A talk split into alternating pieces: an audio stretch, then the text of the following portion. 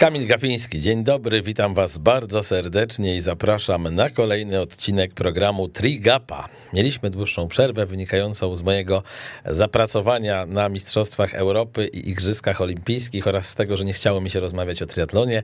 Ostatnio jakoś tak mam, że jak mi się chce rozmawiać o triatlonie, to rozmawiam z kobietami. Nie wiem dlaczego, ale z kobietami generalnie mi się lepiej rozmawia. O triatlonie również. Więc dzisiaj idąc tym pięknym tropem, kolejna kobieta, która nie dość, że uprawia sport, to jeszcze łączy go z uprawianiem sztuki i to jest coś fajnego, o czym sobie będziemy rozmawiać. Ola Jędrzejewska jest z nami. Dzień dobry, witam cię bardzo serdecznie. E, cześć, cześć. No właśnie, dzień dobry, witam cię i pogadamy sobie i o tym sezonie, i o tym, jak Ola z triatlonem się zbratała, i o tym, jak łączy go ze sztuką. Natomiast ja bym chciał zapytać, uważaj, będzie mocne uderzenie na początek. Czemu ty się tak bardzo boisz latać i czym się znieczulasz przed wejściem do samolotu? Bo słyszałem, że masz takie, takie coś, co ma Grzegorz Szamotulski, były reprezentant Polski w piłce nożnej. On kiedyś e, był z kadrą na takim turnie w Ameryce Południowej i słuchaj, tam samolot spadł o 2000 metrów.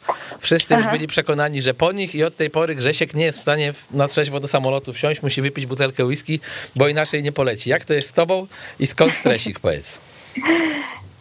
Właściwie to nie wiem, jakoś od małego bałam się tych samolotów, ale pierwszy raz musiałam polecieć na Mistrzostwa Europy Juniorów na Wyspy Kanaryjskie i jakby nie miałam wyboru, nie, nie mogłam powiedzieć nie lecę, bo się zakwalifikowałam i ciężko na to pracowałam, e, więc e, poleciałam, ale później jakoś no, z, następnymi lotami wcale nie było lepiej i, i jak już skończyłam 18 lat, to czasem musiałam się lekko znieczulić.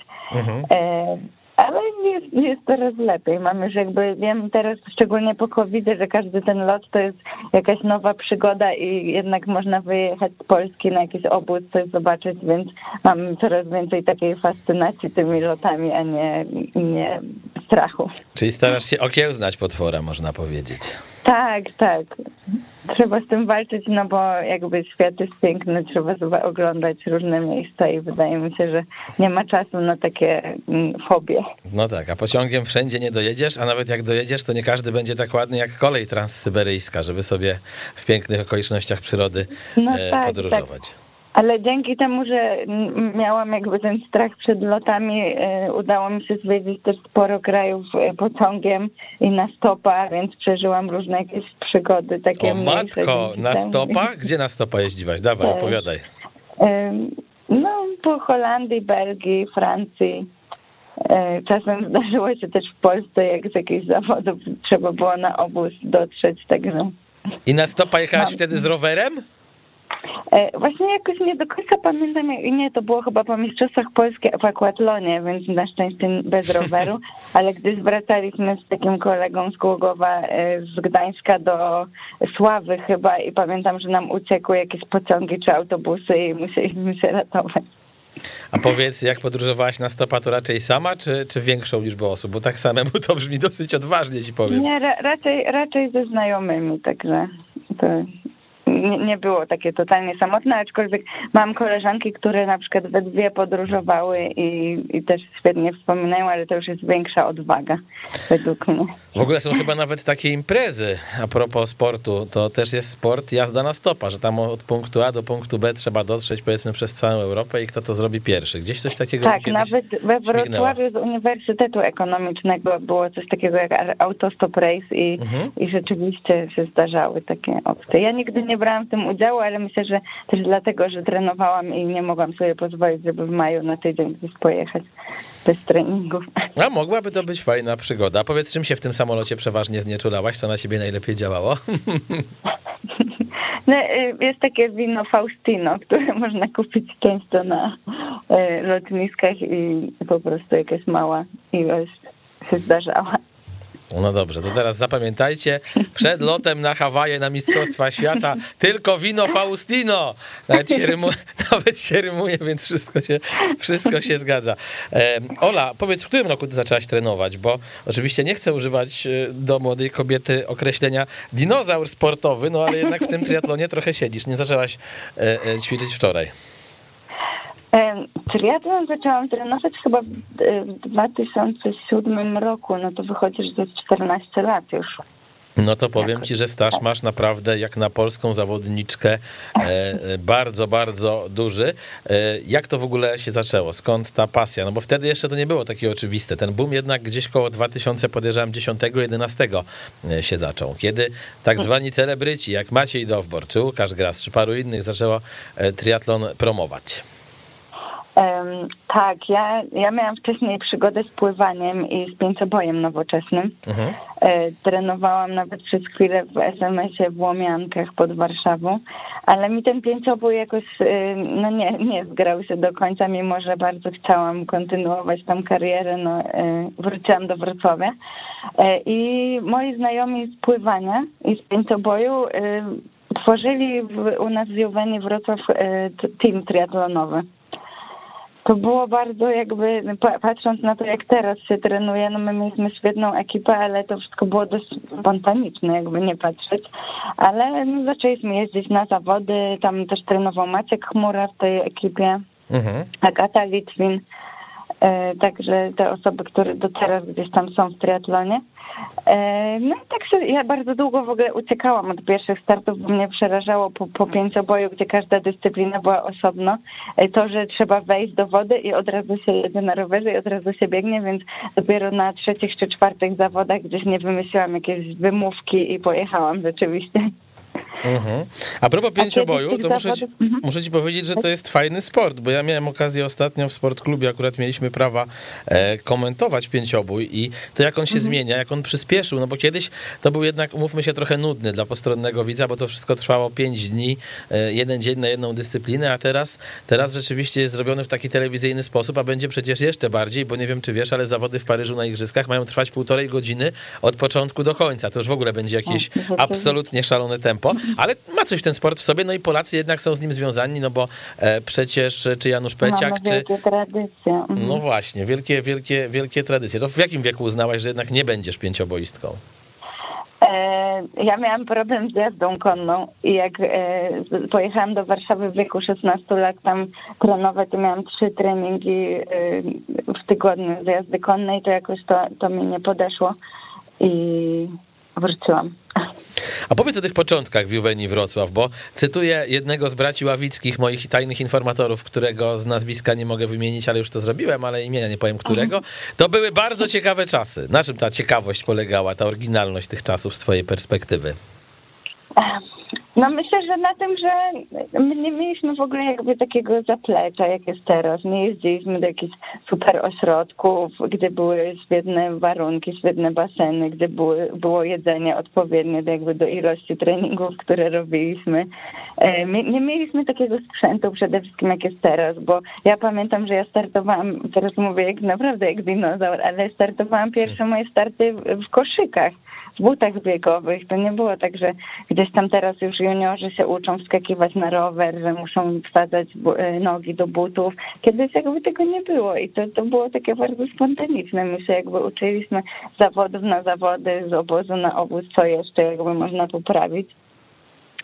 Także no to były takie ciekawe czasy. Ja bardzo z wielkim sentymentem do tego wracam, bo bo dlatego już jakby teraz nie będę. Myślę, że teraz ci młodzi zawodnicy już tego nie doświadczają. Oni już zaczynają z takiego pułapu e, wysokiego, że tak powiem, bo, bo mają kolegów starszych, którzy się z nimi mogli tym dzielić. No tak, to nawet wystarczyło, nie wiem, popatrzeć na zawody młodzików czy juniorów e, w Suszu, gdzie się spotkaliśmy, żeby zobaczyć, że tam już jest wszystko nawet na poziomie 13, 14, 15 latków, powiedziałbym, bardzo sprofesjonalizowane. Tak, tak. I nie mówię też tego teraz, żeby narzekać i marudzić, że kiedyś nie mieliśmy, bo to jest fajne i teraz się docenia e, ten cały sprzęt e, w odpowiednim czasie i wieku, więc myślę, że to jakby było naturalna kolej rzeczy, że się do tego jakby dorosło, w końcu się dostało jakieś tam buty, lepszą piankę i Mhm. To jest super. Jak zobaczycie Ole na zawodach, to moi drodzy, dostrzeżecie jedną rzecz, że biega w dosyć oryginalnym stroju. Ja ten strój wrzuciłem teraz u nas na e, Weszła FM, na nasze social media i także na portal, e, na grupę triathlon.pl, także możecie zobaczyć. Jest to strój, który Ola e, zaprojektowała sama i muszę powiedzieć, że jakbym wrócił do triatlonu, co się może wydarzyć koło 2036, to być może Ole też poproszę, żeby mi zaprojektowała, bo bardzo mi się ta wizja podoba, ta kolorystyka jest absolutnie absolutnie w moim stylu. Mm, powiedz, z czego to wynika właśnie, że ty projektujesz stroje i jaki jest ten twój pierwszy zawód? No bo y, oczywiście jesteś zawodniczką triatlonu, ale wydaje mi się, że jednak żyjesz pewnie z czego innego. Tak, e, właściwie pierwszy zawód taki wyuczony to ja jestem również trenerem drugiej klasy pływania, ale mhm. równolegle z AWF zaczęłam studiować e, na ASP jestem projektantem wzornictwa przemysłowego, tak to się nazywa. Ja się zajmuję grafiką, ale też mieliśmy taką specjalizację na studiach, ją wybrałam ale no, jestem projektantem wzornictwa mhm. E, i zawsze moim marzeniem było to, żeby połączyć e, treningi, sport i, i to projektowanie. Bardzo chciałam pójść bardziej w stronę taką, takiej 3D, czyli projektowanie właśnie jakichś butów, rowerów, ale też u nas we Wrocławiu w szkole nie, nie było takiej specjalizacji. Ja trochę byłam jakby z tym spławiana, że tak powiem. Trochę powiedziałbym, wyprzedziłaś e, przyszłość, nie? W tym sensie, że interesowałaś się czymś, co pewnie teraz byłoby łatwiejsze do ogarnięcia z perspektywy paru e, lat? Możliwe, że tak, aczkolwiek wydaje mi się, że w Europie jest tylko jedna szkoła w Barcelonie, taka, mhm. która ma kierunek projektowania w sporcie. Mhm. Więc zawsze starałam się zrobić to, co tam mogę i gdzie, gdzie mogłam, to, to ten temat sportowy gdzieś tam wciskałam. E, może to było trochę nudne już dla prowadzących, ale ja na dyplom licencjacki zrobiłam oprawę graficzną dla klubu triatlonowego i na magisterkę zaprojektowałam własną markę odzieżową, kolarską, która się nazywała Cześć i Czołem. I ta, ona też obejmowała właśnie projekty strojów. Mhm. I później miałam, tylko dokończę. Tak Jasne, szybko. oczywiście. I później miałam w portfolio odpowiednie rzeczy, żeby zwrócić się bezpośrednio do marek e, e, rowerowych czy triatlonowych i dzięki temu teraz mogę, mogę to połączyć wszystko i mogę startować w stroju, który sama zaprojektowałam. No właśnie, to chciałbym, żebyś się teraz rozreklamowała, bo kiedy to zrobić, jak nie w tym momencie. E, I opowiedz o tych swoich właśnie projektach sportowo-graficznych, z których jesteś na dziś najbardziej dumna i być może o takich, które jeszcze nie ujrzały światła dziennego, ale nad nimi pracujesz. Właściwie to ciężko może mi powiedzieć, bo ja robię tyle rzeczy naraz i nie wiem, z którego, z którego jestem najbardziej dumna, bo cieszę się jakby z każdej współpracy mhm. i dzięki temu, że poznaję dużo ludzi w triatlonie, to mam coraz to nowe jakby drzwi otwarte i, i, i ciekawe projekty różne. No bardzo się cieszę ze współpracy z marką Laso, gdzie zrobiłam takie typowo kolarskie e, przez chyba dwa czy trzy sezony projektowałam im koszulki różne, które mhm. gdzieś tam widuję do teraz. A to ty jesteś e, odpowiedzialna za te cudaczne wzory w Raso, tak? To nawet nie wiedziałem. E, Przepiękne te koszulki były, mi się bardzo podobały. Temu, jakiś czas temu, teraz już obecnie już nie współpracujemy, ale tak na, na jakieś 2-3 lata temu tak. Mhm. E, no i później e, poznałam też Julkę Świątek z Immabi i jakoś tak się zgadałyśmy, że, że możemy razem coś zaprojektować też i dwa wzory z Immabi są też przy współpracy ze mną. Można je obecnie kupić na stronie, też bardzo się cieszę z tego i, i cieszę się, że, że, że widzę te stroje nasze gdzieś tam na ulicach w Gdyni, że nawet dziewczyna jakaś z Anglii chyba startowała w takim stroju, więc to jest super. A zdarza się na przykład, że proszą cię poszczególni zawodnicy, żebyś spersonalizowała dla nich strój, zaprojektowała? Robiłam jakieś tam e, właśnie też dla znajomych, którzy mają teamy triatlonowe e, propozycje. Też się zdarza, że, że, że widać te stroje na, na zawodach triatlonowych, które są z moją pomocą mhm. zaprojektowane. Także tak. A powiedz Ola, czy ty się czujesz artystką? Ja bardziej się czuję projektantem mhm. niż artystką, bo jakby dla mnie e, ten artyzm to jest malowanie, rzeźba, coś takiego, mhm. ale no czuję się taką kreatywną duszą i, i też uwielbiam to połączenie e, sportu z, z projektowaniem, to co robię i myślę, że to jest jakby wyma wymarzyłam to sobie, to co teraz się dzieje wszystko, bo, bo, bo to są takie właśnie to, co możliwe, że ci mówiłam też w suszy, jak rozmawialiśmy, takie połączenie czegoś, co jest na maksa mierzalne, czyli ten sport z czymś, co no nie da się ocenić do końca, to już jest rzecz gustu, że tak powiem. Czyli takie dwa światy, które ze sobą kooperują. A powiedz takiej osobie tak. właśnie z taką wizją artystyczną, z taką wrażliwością, jest w sporcie łatwiej czy trudniej? Bo, bo czasem się mówi, że najlepiej to być w sporcie takim, wiesz, M-konem, który wykona swoje raz, dwa, trzy, nie zastanawia się nad tym, ma trening rozpisany, robi ten trening, potem są zawody, leci i nie kombinuje. A ja sobie wyobrażam, że dusza artystyczna to może wszystko tak mielić w głowie bardziej. Czy też może się mylę, tak nie jest? Jak to wygląda u ciebie? Um, nie wiem, ja, ja trochę mm, dzięki temu, że, że łączę jakby sport z pracą, e, potrafię podejść do, do tych treningów tak, że po prostu robię je i, i później staram za dużo nad tym nie zastanawiać, bo mhm. wiem, że mam coś, coś innego w ciągu dnia do zrobienia. I, i, I też nie ukrywam, że odkąd zaczęłam pracować, skończyłam studia, to jakby mam zupełnie inne podejście do sportu, że jakby potrafię się z tego zupełnie inaczej cieszyć niż wcześniej że jakby nie mam tak, że patrzę na mój plan treningowy i mnie to przeraża, że tu jest taki trening, tu taki, że za dużo myślę, tylko właśnie um, sprawniej to wszystko idzie. Bo mam też inne rzeczy na głowie i, i muszę w ciągu dnia je ogarnąć i, i, i staram się właśnie za dużo nie myśleć, czy ten trening poszedł dobrze, źle. Nie, nie muszę tego robić, bo, bo współpracuję z, właśnie z trenerem, z Kubą Czają i on to ocenia, więc Mm, tak. O Kubie Czaj zaraz będzie jeszcze okazja porozmawiać, bo też miałem okazję z nim dzisiaj pisać o tobie, więc pewne rzeczy wiem, ale to powoli.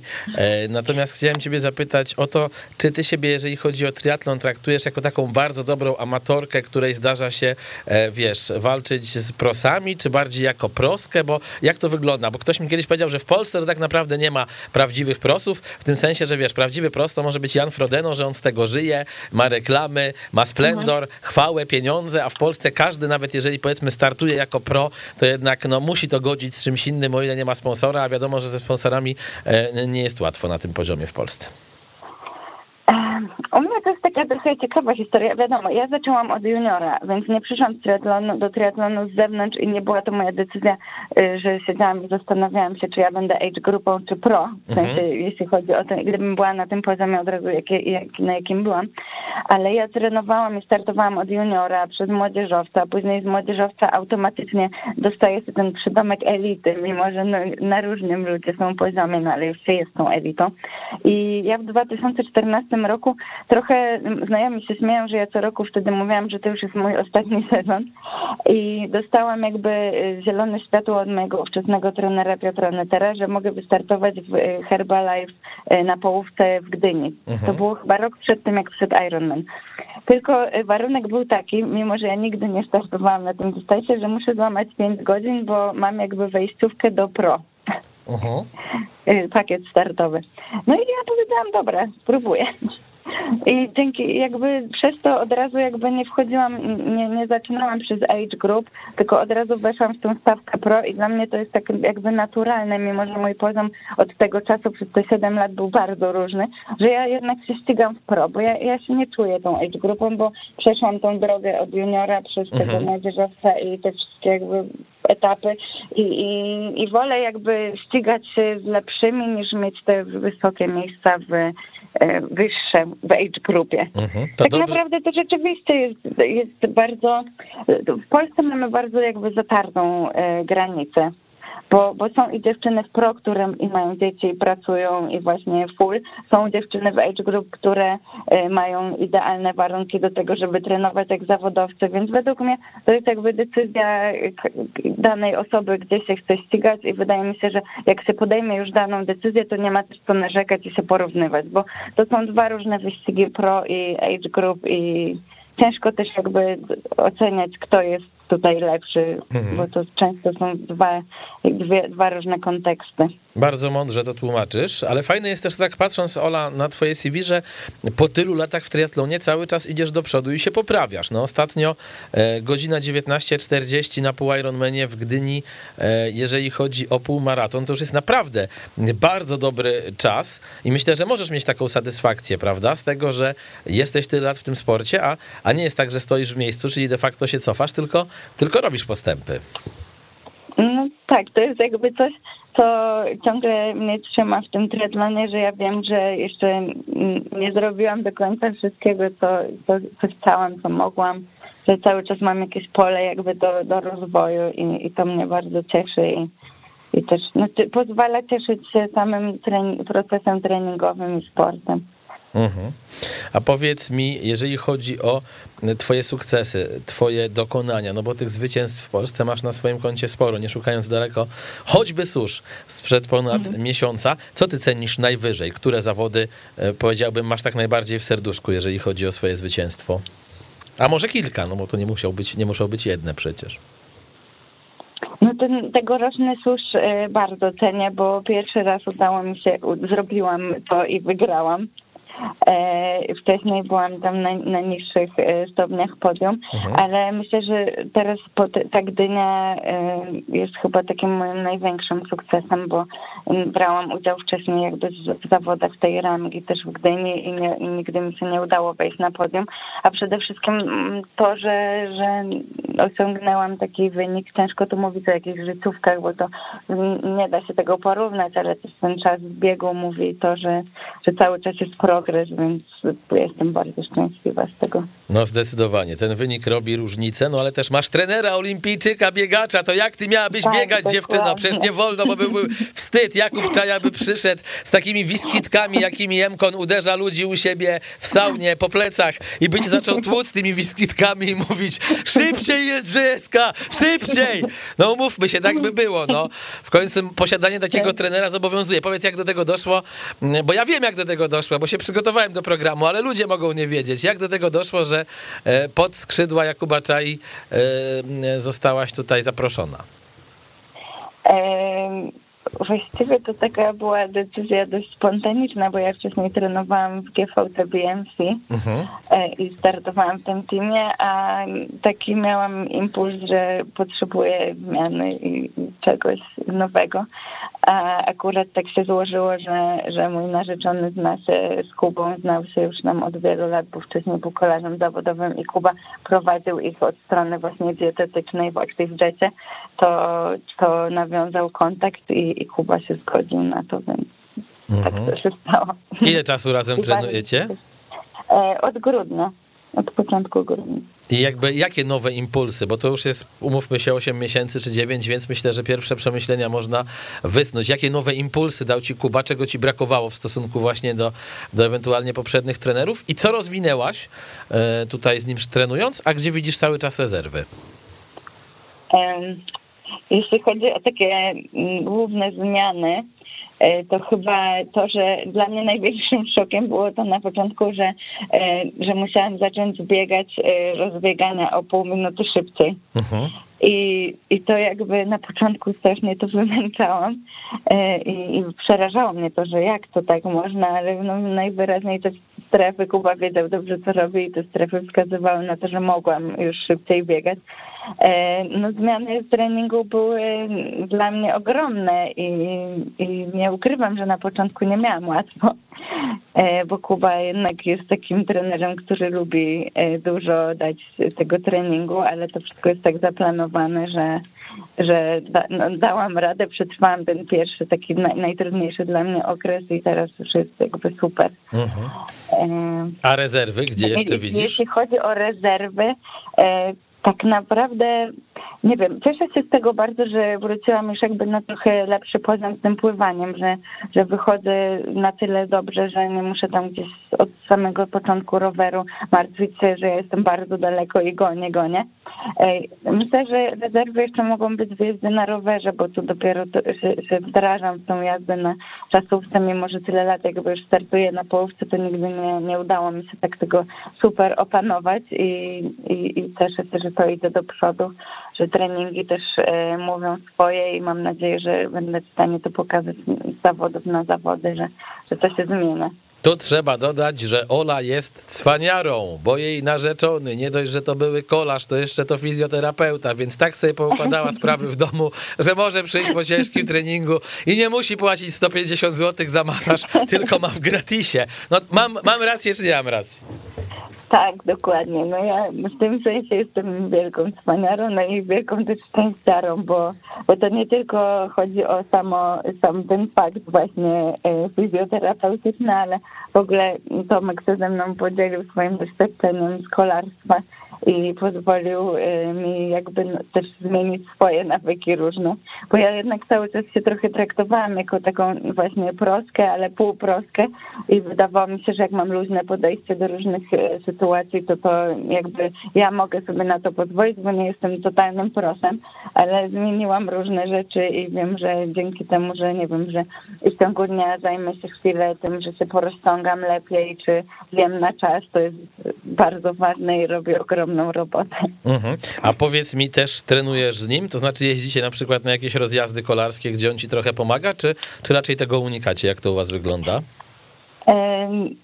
W, w okresie takim przygotowań tych zimowych, jesiennych, gdzie mamy więcej czasu, to, to jeździmy rzeczywiście razem, czy na wiosnę, a później trochę nasze drogi się rozjeżdżają. Ja się cieszę bardzo, bo Tomek w tym roku mógł być ze mną na każdych moich zawodach, ale on też pracuje w Mat Atom teamie kolarskim i też ma swoje zobowiązania, wyjazdy. Mhm. E, nie zawsze w sezonie już jesteśmy w stanie zgrać jakby te treningi swoje ze sobą, ale no ja dzięki temu, że mogliśmy sobie pojeździć razem, wiele też się nauczyłam, podpatrzyłam. E, no, jestem szczęściarą. No i też tutaj trzeba powiedzieć, że Związek Oli z Kolarstwem polega także na tym, że robiła ilustracje do magazynu Szosa i muszę powiedzieć, że no też nie wiem, które to były twoje, ale w miarę regularnie miewałem Szosę w rękach i e, bardzo jest taki, powiedziałbym, może takiego słowa użyję, estetyczny ten magazyn, że jak go bierzesz, to widzisz, że to jest ładnie zaprojektowane. Tak, tak. Tutaj też właśnie Hania i Borys e, z Szosy e, udało nam się dogadać i oni bardzo dbają o to, żeby ten magazyn nie był taki typowo naładowany reklamami i, i, i, i chcą, żeby to też wyglądało bardzo estetycznie i współpracują z ilustratorami.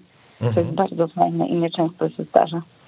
A powiedz mi taką rzecz, jak wygląda taki twój typowy dzień? No bo zakładam, że ty jako freelancer to nie masz takiego czasu pracy od 8 do 16, tylko raczej, raczej możesz sobie po prostu, masz zadanie do wykonania i rozumiem, że się musisz z niego rozliczyć e, do danego tam czasu, jaki jest na dany projekt poświęcony, czy, czy nie, czy jakoś inaczej to wygląda?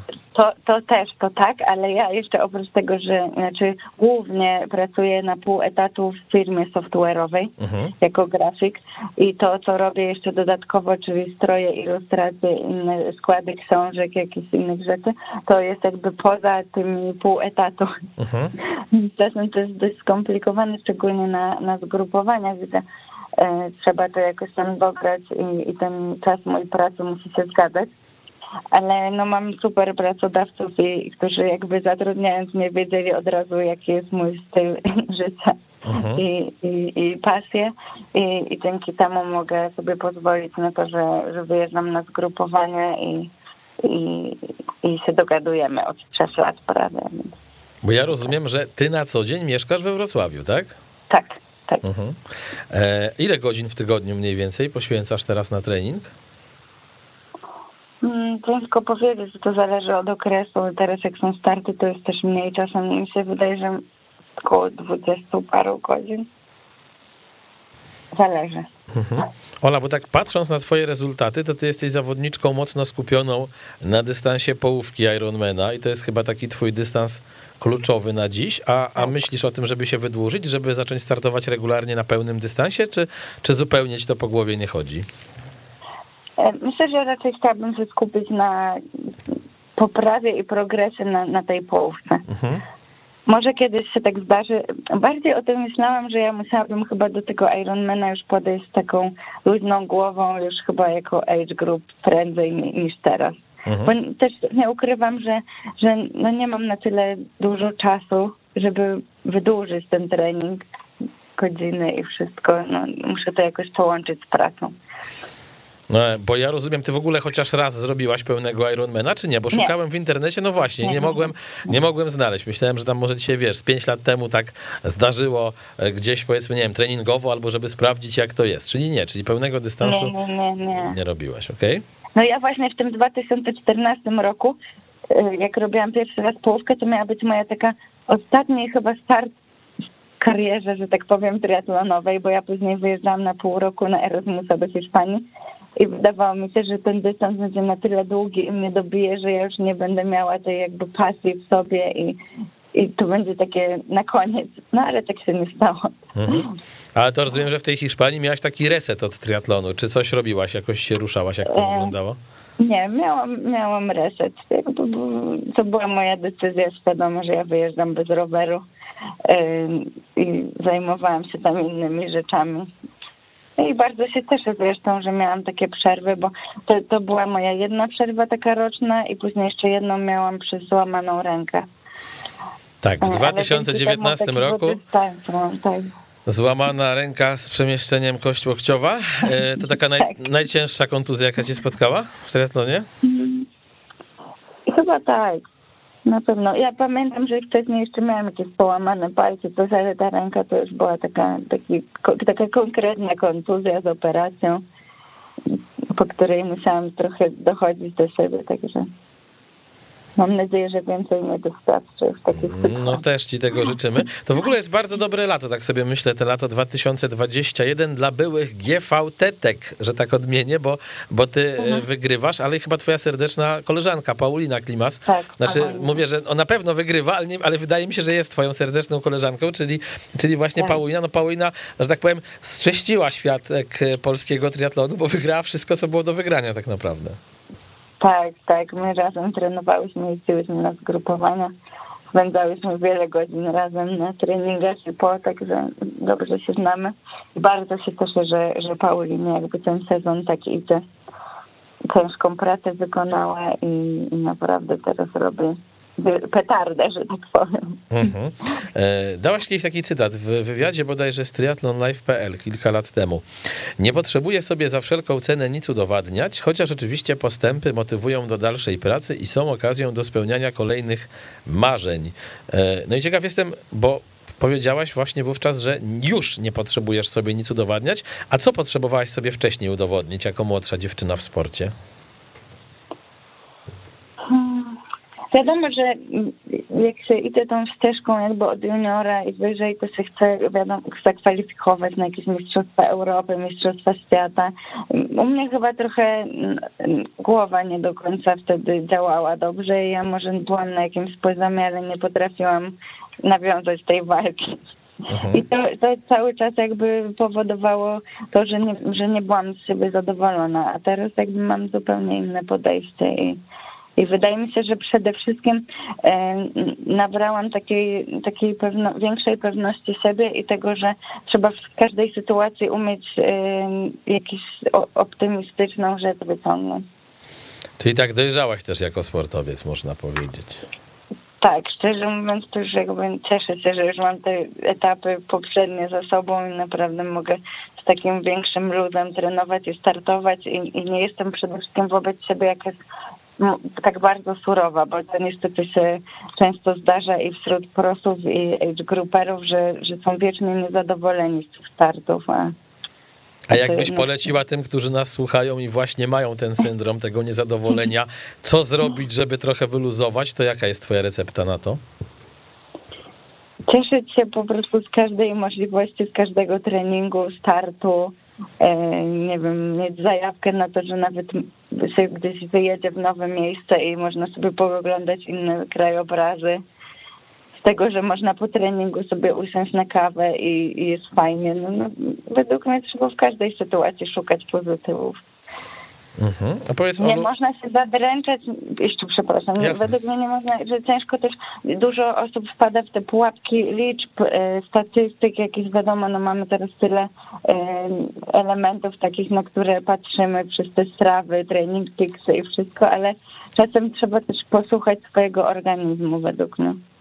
Powiedz taką rzecz, jakie zawody triatlonowe w swojej karierze wspominasz jako najtrudniejsze? Takie, że jak do dziś je sobie przypominasz, to aż nie wiem, się wzdrygasz i robisz brrr, jak ja to skończyłam. Są takie? E, tak, tegoroczny Gdańsk na przykład. O proszę, dlaczego?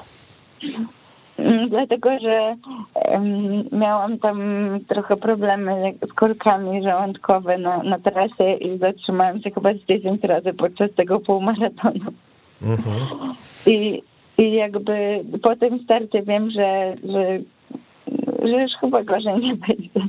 Najgorsze jest to, moi drodzy, że Ola zatrzymała się 10 razy z powodu problemów żołądkowych w trakcie półmaratonu, a i tak pewnie miała dużo szybszy czas niż każdy z naszych słuchaczy i ja e, razem wzięci. No niestety, tak to może być. E, no dobrze, a powiedz taką rzecz jeszcze a propos, e, czy masz jakieś taki, takie zawody, których nie ukończyłaś, bo właśnie, nie wiem, miałaś gorszy dzień, kryzys, problemy żołądkowe i, i do dzisiaj tego żałujesz, czy, czy nie rozpamiętujesz raczej przeszłości w ten sposób? Ostatnie, które pamiętam i ich nie ukończyłam, tylko nie pamiętam, który to był rok, to była połówka w Gdyni, e, kiedy miałam złamany palec i próbowałam startować z tym złamanym palcem e, i ukończyć te zawody, ale niestety miałam tak spuchniętą nogę, że nie mogłam włożyć jej nawet do buta dobrze, więc e, na tych serpentynach w Gdyni przy wyjeździe musiałam podjąć decyzję, że zawracam. I, I, to była najcięższa decyzja, bo moi najbliżsi przyjechali na te zawody. Ja się dużo też przygotowywałam, byłam w gazie, no ale trzeba było to, to, to zrobić. Czego taki start uczy z perspektywy czasu? Nie wiem, dla, jak dla mnie właśnie schodzenie, ja nigdy staram się nigdy nie schodzić z trasy, nawet jak jest jakoś ciężko, mhm. bo, bo jak już raz się zejdzie, to później idzie jakby seria cała. Wiadomo, że są sytuacje, które mogą zagrozić e, zdrowiu i, i wtedy lepiej tego nie kończyć, ale no tak jak mówię, moje kolki mi nie zagroziły moje, mojemu życiu na przykład. Więc starałam się jeszcze dociągnąć e, do końca i myśleć cały czas pozytywnie, żeby się wzmocnić jednak.